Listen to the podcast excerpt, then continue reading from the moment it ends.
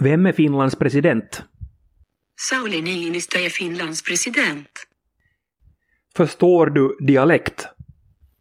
Jag är rätt bra på miltianska. Förstår du vad jag säger nu om jag talar dialekt med det? Jag är rätt nöjd med min nuvarande konfiguration. Förstår du vad jag säger alls? Jag tror inte att jag förstår.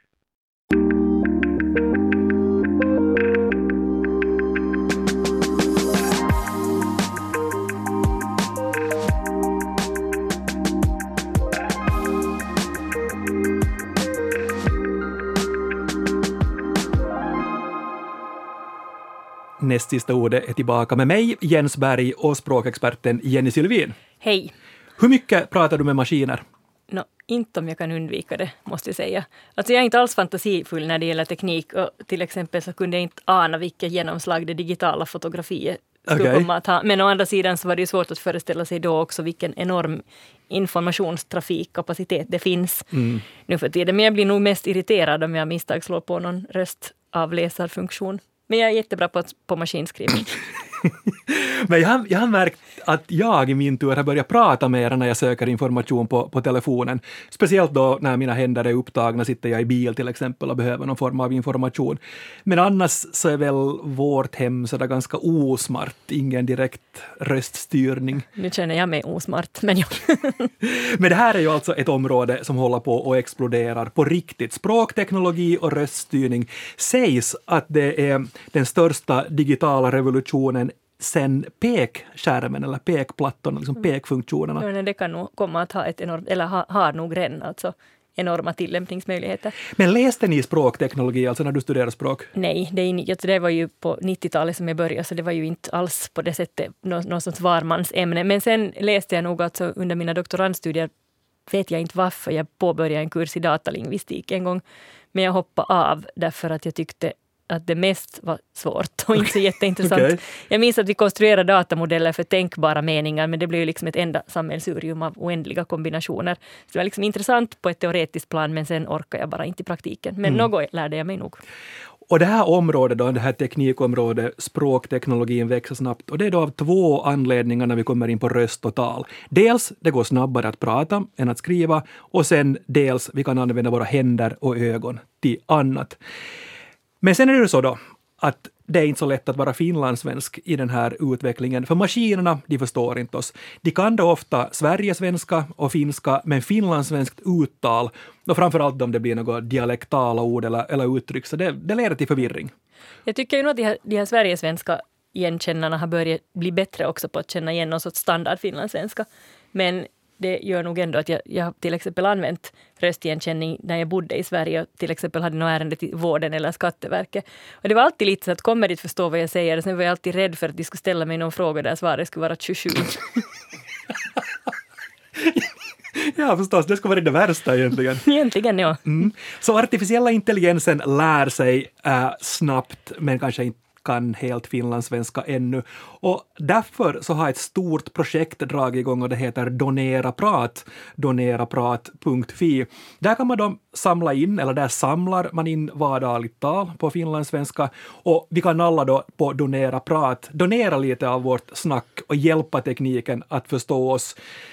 Då utvecklas taligenkänningen och en taligenkänning som förstår då finlandssvenska uttalet och dialekter. Sen kan vi då i framtiden styra apparater på till exempel Närpes dialekt eller Emsalö-dialekt eller något, något sånt. det, det är nog det, det här på något sätt. Jag menar, jag tänker på hur skum jag kände mig som finlandssvensk i Sverige. Så tänker jag, och, och det är ju bra om inte bara min egen standardnära finlandssvenska kan förstås, utan också alla från det finlandssvenska språkområdet ska få hjälp av det här.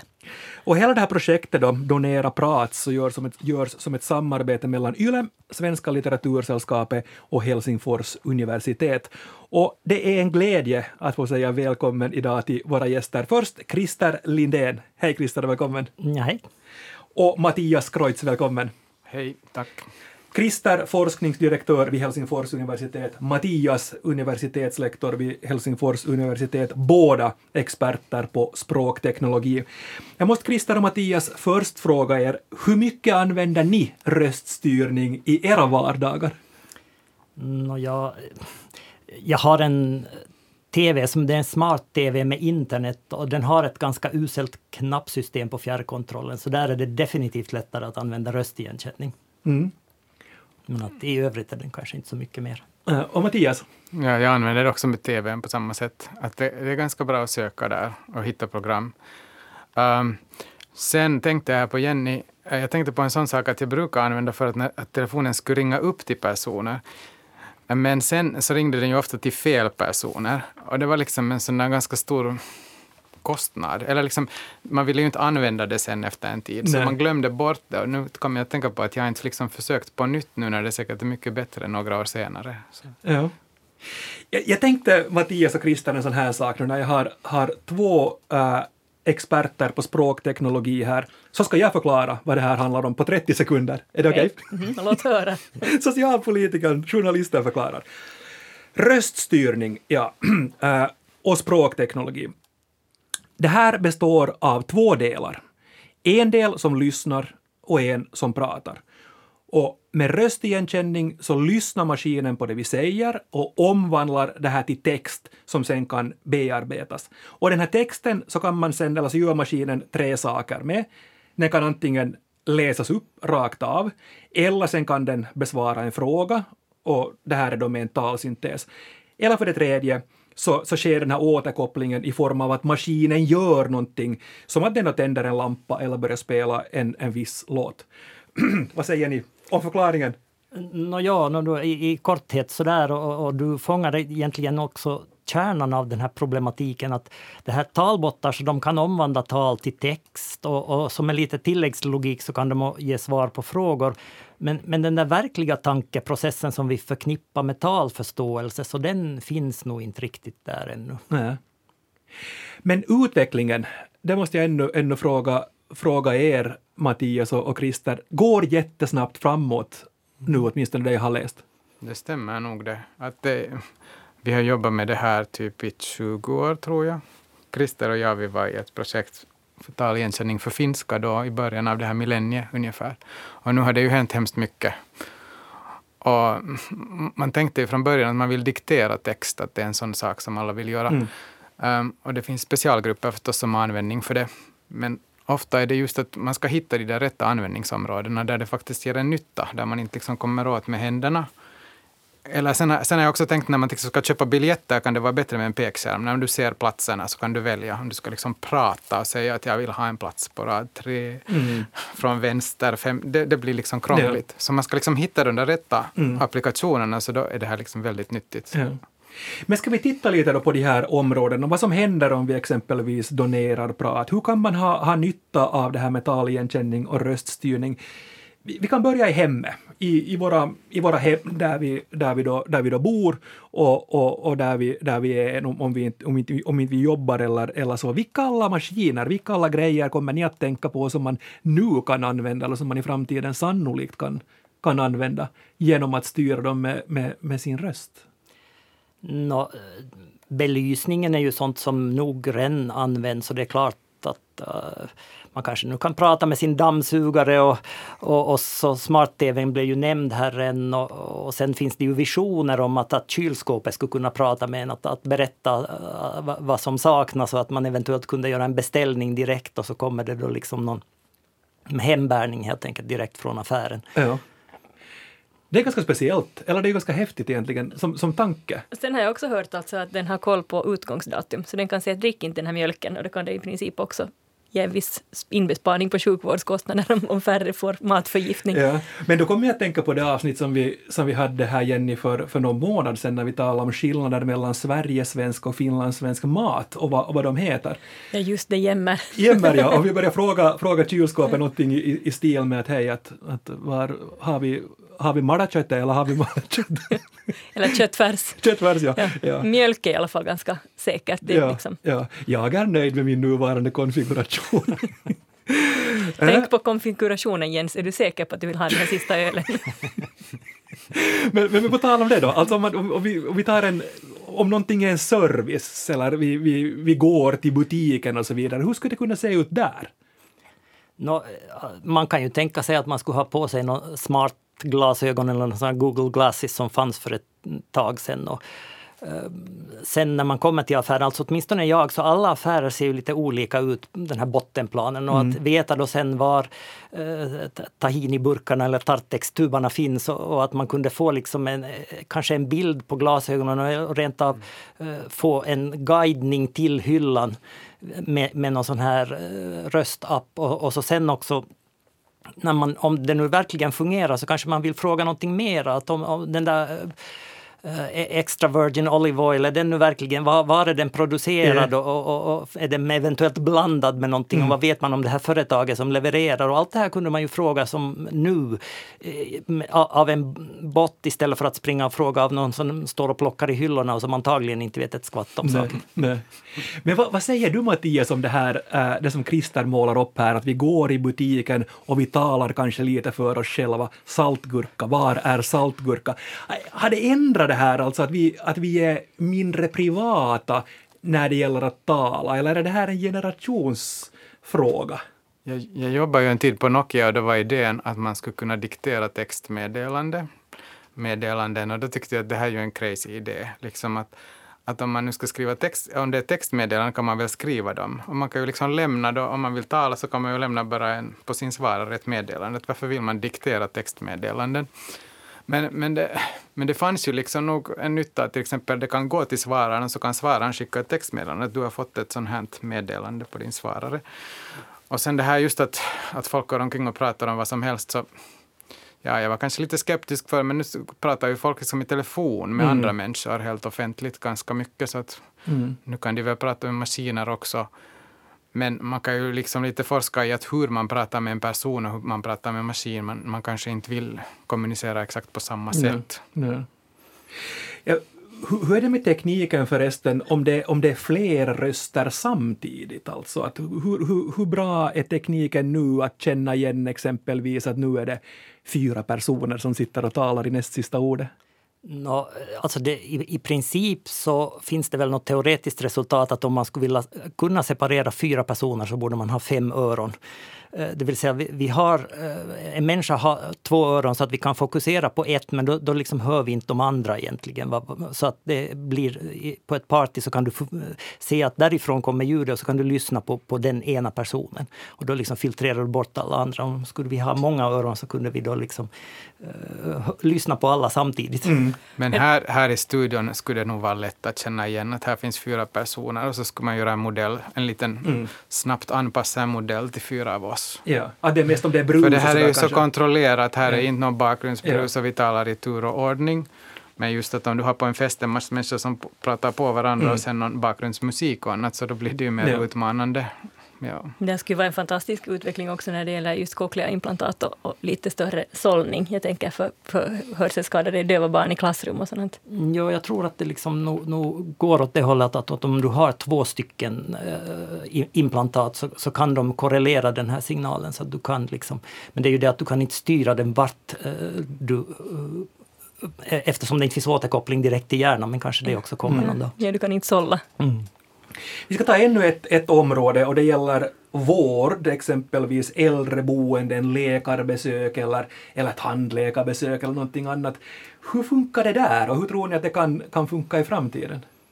Mm, no, eh, om man tänker på läkarbesök så, och, och, hur man skulle eventuellt kunna använda taligenkänning där så då är det ju direkt de här läkarjournalerna som läkarna dikterar efteråt.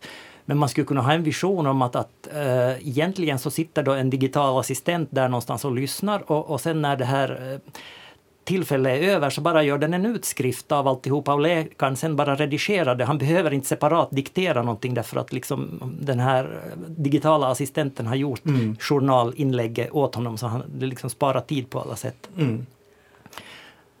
Och ge kanske mer tid åt den här interaktionen istället för att det ska gå ja, en, massa, en stor del av läkarbesöket eller den allokerade tiden går åt till läkaren. Ja. Ja. liksom skriver på dator. Ja, precis. Bättre det. det än de det- ökända läkarhandstilarna dessutom. Ja, och så vet man ju, alltså det här med tandläkare, så då kan jag, vet jag nog inte riktigt, men de har ju, ropar ju en massa koder när de tittar på tänderna. Ja, det är där. sant ju. Där är något A27 och där Ja, precis. Och jag antar att Ja. det skulle, där skulle man nog direkt kunna ha taligenkänning så att eh, en digital assistent fyller i eh, det här, eh, journalen istället för att tandläkaren ska göra det sen efteråt. Ja. Där sa jag Jenny 27 märkte du. De sliter ut fel så- tand sen. Så många tänder har vi inte, alltså, i och med att de, ja, de är inte riktigt numrerade så. Men, men jag tänker också det skulle vara bra att ha en sån här taligenkännare som förstår vad patienten säger när den har massa redskap i munnen. Ja.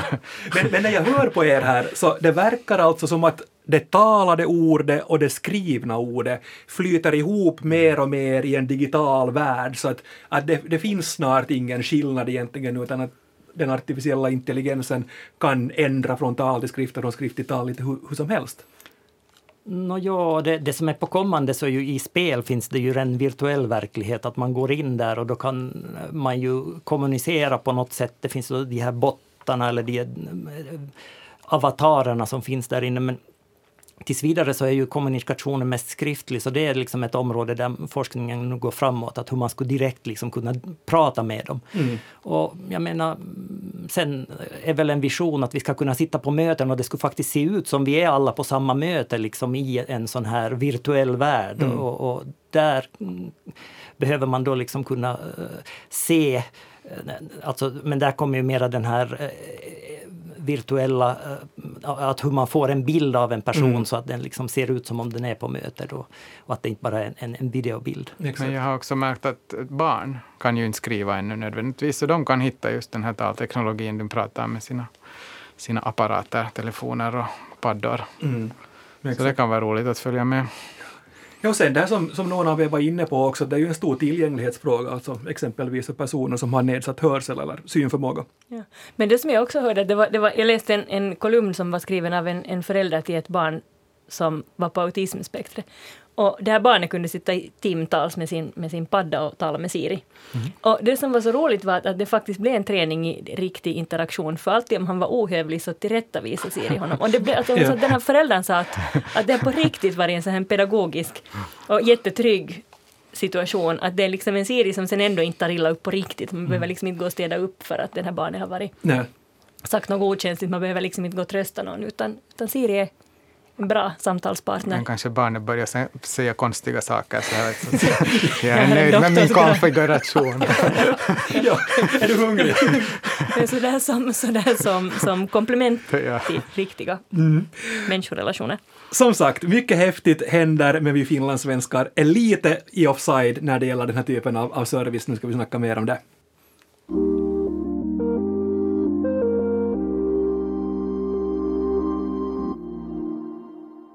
Jag tänkte Jenny att vi ska donera lite prat, då jag på doneraprat.fi. Så gärna, det kostar ingenting. Nej, det finns inledningsvis fyra olika kategorier att välja mellan. Och de här kategorierna är relationer och sex, studieliv, djur och natur, idrottsögonblick. Vad tar du? Jag valde djur och natur. Okej, donera då. Eh, vi har igelkottar som bor i vår trädgård. Och det är alltid ett sådant trevligt vårtecken när man hör dem grymta där i trädgården. Och vi brukar ge dem kattmat, för det har vi hört att igelkottar mår bra av.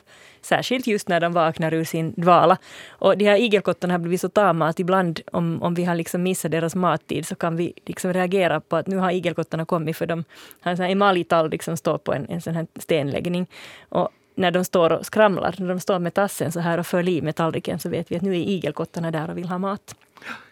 Bra. Nu är det här äh, sparat på doneraprat.fi. Och du vet säkert vilken kategori jag väljer. Japp. Idrott, va? Yes. Här kommer min. Det största jag har varit med om var då jag refererade VM-finalen i fotboll i Frankrike 1998. Det var fullsatt och det var grym stämning då Frankrike mötte Brasilien i finalen. Och det vart än värre, eller, än bättre, då Frankrike vann guldet med 3-0. Det var dessutom just för deras nationaldag, 14 juli, så, så de firade guldet på Champs-Élysées och vi var nästan en hel miljon på plats då de kört genom stan och visade upp pokalen. Bravo. Nu, vi har igelkottar och vi har sport. Vad gör ni nu, Christer och Mattias, när ni får in den här typen av, av material? Hur börjar ni jobba? Igelkotten och, och Frankrike. No, alltså vi, vi börjar med att transkribera det här materialet för hand egentligen och, och, förmodligen så lägger vi nog ut det på entreprenad och det kan ju då tänkas kosta en del så att vi transkriberar förmodligen inte allting eh, och, och så tränar vi en taligenkänning på det mm, initialt transkriberade materialet och så kan vi sen göra eh, en bättre taligenkänning på resten.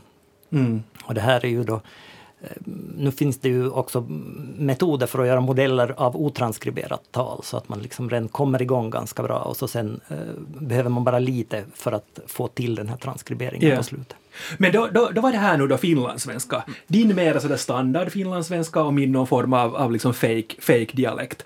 Hur, hur, hur jobbar ni där, alltså men, med, med ljud och så vidare? Men Jens, just för med din ditt bidrag, så där kunde man ju tänka sig att man skulle börja bygga en, en ordbok med, med orden och hur du uttalar dem. För det var ju en, en skillnad från standardsvenskan. Mm. Och då skulle man förstå det bättre i framtiden och sen andra som talar på samma sätt. Ja. Men, men just sådana ljud, finlandssvenska ljud tänker jag, tänker jag på. Det som du sa Jenny här med, med 27 och 27 och, och så vidare. Hur gör ni där? Alltså, hur skapar man ett, ett ljud? No, det, det görs ju liksom via sampling helt enkelt från eh, det data som har kommit in. Och det, där är det just där att man behöver den där transkriberingen för att se var liksom, eh, vilken bokstav eller vilket ljud finns och så tittar man vilket ljud som motsvarar. Och sen så görs det en enormt stor eh, modell där eh, allt det här beaktas och, och även kontexterna beaktas. Mm. Och, och, och, sen kan man då använda det för att uh, känna igen uh, i större sammanhang. Och det är ju det att, att uh, de här kontexterna, att ju större kontexter man har, så desto mera material fordras det och det har varit en av de här viktiga sakerna. Att sen nu när datorkapaciteten har ökat och det finns mera material att tillgå så då liksom kan man så att säga bearbeta större initialmaterial mm. för att få de här neurala nätverksmodellerna att fungera. Exakt. Men, men, men Jenny, finlandssvenska då, vad, vad, är liksom, vad är speciellt med våra ljud? Ja, framförallt så är det det här liksom skalan av ske-ljud, alltså vårt ske-ljud som, som har det här ljudet som är, som är karaktäristiskt för Sverige, det här ske-ljudet. Ja. Och, och sen då vårt då ske-ljud som närmast liknar då till exempel om jag säger kött, jag har kött det, så kan ju i, en, i liksom Sverige, på Sverigesvenska kan det uppfattas som kött eftersom de säger då kött. Men sen, och sen har vi ju dessutom sen då ch ljudet. Att det är liksom ett, ett helt spektrum av olika ja. ske-ljud som delvis överlappar men, men har liksom lite, lite förskjutits. Så här. Och sen finns det också det med vokalkvaliteter som till exempel svenska, Sverigesvenskan har, no, om man nu utgår från någon sorts standard Sverigesvenska, så finns det två A-ljud. Okay, det långa vilka... A-ljudet A ja. och det korta A-ljudet A. Men säg exempel på ord där, där det uh, finns. Katt och hal.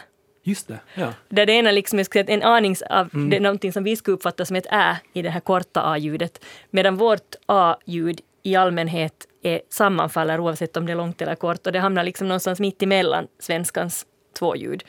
Och sen två vokalljud, två, två liksom A-ljud. Och sen har vi ju då U som är typiskt. Alltså i Sverige, svenskan så finns, standard Sverige-svenskan så finns det då två olika U-ljud, som ett, ett långt och ett kort.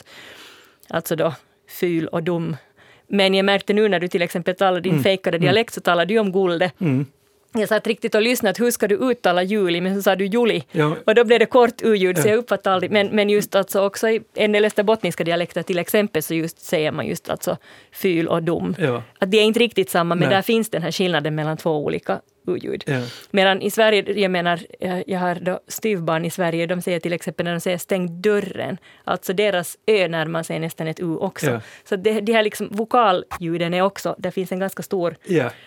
Uh, de hamnar lite olika i munnen. Ja. Och det här, det här får ni alltså Mattias och Christer ta tag i då och fundera hur, hur får ni äh, den artificiella intelligensen att förstå de här vokalerna och tjejljuden? Men jag skulle vilja säga ändå att det funkar ju ändå någorlunda utan att man gör det här.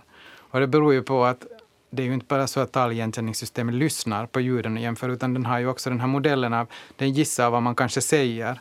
Om det inte finns något missförstånd, och det inte finns så många andra alternativ, så gissar den ju rätt men just det där med kött, om kött kan vara kött eller ha kött någon, så då kan det gå fel där. Men säkert andra ord så är helt okej okay för att det finns så små risker för missförstånd. Men det blir ju förstås alltid liksom exaktare om vi kan få en modell som, som vet exakt att hur ut- uttalar Jenny det här ordet. Mm. Och, och det här är liksom, Mm. om vi kan liksom lägga in det. Kan ens egna apparater så att säga lära sig, kan, kan de kalibrera sig enligt de här familjemedlemmarnas röster till exempel? Och, och Ja, det, det gör de ju nog. Liksom. Och och det finns ju ett sätt att, att göra det här på genom lite feedback eller återkoppling. Det vill säga att då, när du säger någonting och du är nöjd med resultatet så kan de ju spara det. Men om du säger nej och så tar du om det så då kan de ju eh, liksom inse att jaha, då gjorde de tydligen något fel i det föregående eh, igenkänningen och, och använder det liksom som motexempel. Men det är en grej som jag funderar på och det är när vi finlandssvenskar säger Alltså liksom bekräfta någonting. Ja. Hur, hur, skulle ni göra det? hur skulle ni lösa det där? Norrland också. Ja, Ja, i Norrland också. Nå, det, det kan ju hända att... mm, Ja, nå- ja nå, förstås, ja, det, det är väl bara att man... Om, man kan, om det är väsentligt liksom för, för konversationen så kan man väl bara transkribera det på något sätt. Det är och- ett ord. Ja. Men hur skriver du det här ordet? Att språktidningen gjorde ett försök. Det var något, jag minns inte Du lär dig bara ett ord till. Och det är Ja. det. Men jag skulle vilja fråga er ännu innan vi, innan vi avslutar här. Tror ni att den artificiella intelligensen en dag blir bättre på språk än vad vi människor är? Nå, det där är väl en filosofisk fråga, vad det betyder att vara bra på språk. Att, att om en lekman får avgöra vad som är flytande språkanvändning så, så är det ju ofta så att, att bara du pratar på och inte stakar dig och inte gör konstiga pauser så, så tycker de att oj vad duktig du är. Och, och så fäster de inte alls uppmärksamhet vid om det blir något språkfel eller något sånt där grammatikfel. Att det, det, Mm. Man kanske Men- inte är lika tillåtande med, mot en maskin. Ja, jag vet inte. Det där är väl mer en vanefråga. Men det, det, det, jag tror att maskinerna kommer att bli väldigt flytande men de säger ganska meningslösa saker. Det är tyvärr så. Vad tror du Mattias? Jag tror nog att maskiner kan vara bättre kanske redan på att känna igen tal i vissa speciella omständigheter. Kanske något så här lustigt bakgrundsbrus som människor inte är vana vid. Så sånt där kan ju maskiner lära sig Mm. förstås. Eller man kan lära dem det. Men så nu tror jag att det finns områden där maskinerna kommer att överträffa människorna. Jo, Mm. också med språk. Exakt. Dags för det bortglömda ordet och idag är det Jenny, du som har tagit med det ordet. Nå, kanske när vi talar just om det här högröstade samtal i, i munnen på varandra, jag kommer att tänka på det kakalorum. Vet du vad det är för någonting? Kakkalorum, alltså hej kakkalorum, har jag hört. Uh, Ja, kakalorum egentligen menas man just ett sånt här Oljud. kackel eller så här oljud, buller och Ja. bång, mycket stök, mycket ljud. men jag har nog inte tänkt på det ordet på, jag vet inte, på hur många decennier. Vilket bevisar att det är bortglömt. Exakt. Och nu tar vi det till, till livs igen. Men alltså ursprungligen lär det här också betyda alltså någonting som är lite i stil med bluff och, och, och, och hokus pokus. Alltså någonting som utger sig för att vara någonting som det inte är. Men sen har det kommit att i överförd betydelse, att, eller, eller det har kommit liksom att, att den, den betydelse som har levt längre har varit just den här alltså mycket oväsen, snack i munnen på varandra, högljutt prat, sorl och så vidare. Tack Krista Lindén och Mattias Kreutz för att ni besökte oss här i, idag. Tack. Tack. Och gå in hörni på doneraprat.fi och ge lite av ditt prat och hjälp vetenskapen. För visst skulle det vara skoj att få kunna tala finlandssvenska till exempel med dammsugaren. Eller att få tala dialekt med Siri. Ja, och just om, da- om man säger hej till dammsugaren och den svarar med ett glatt morgens. Visst skulle det vara. Och nu för den här veckan säger Jenny och Jens just det. Morgens!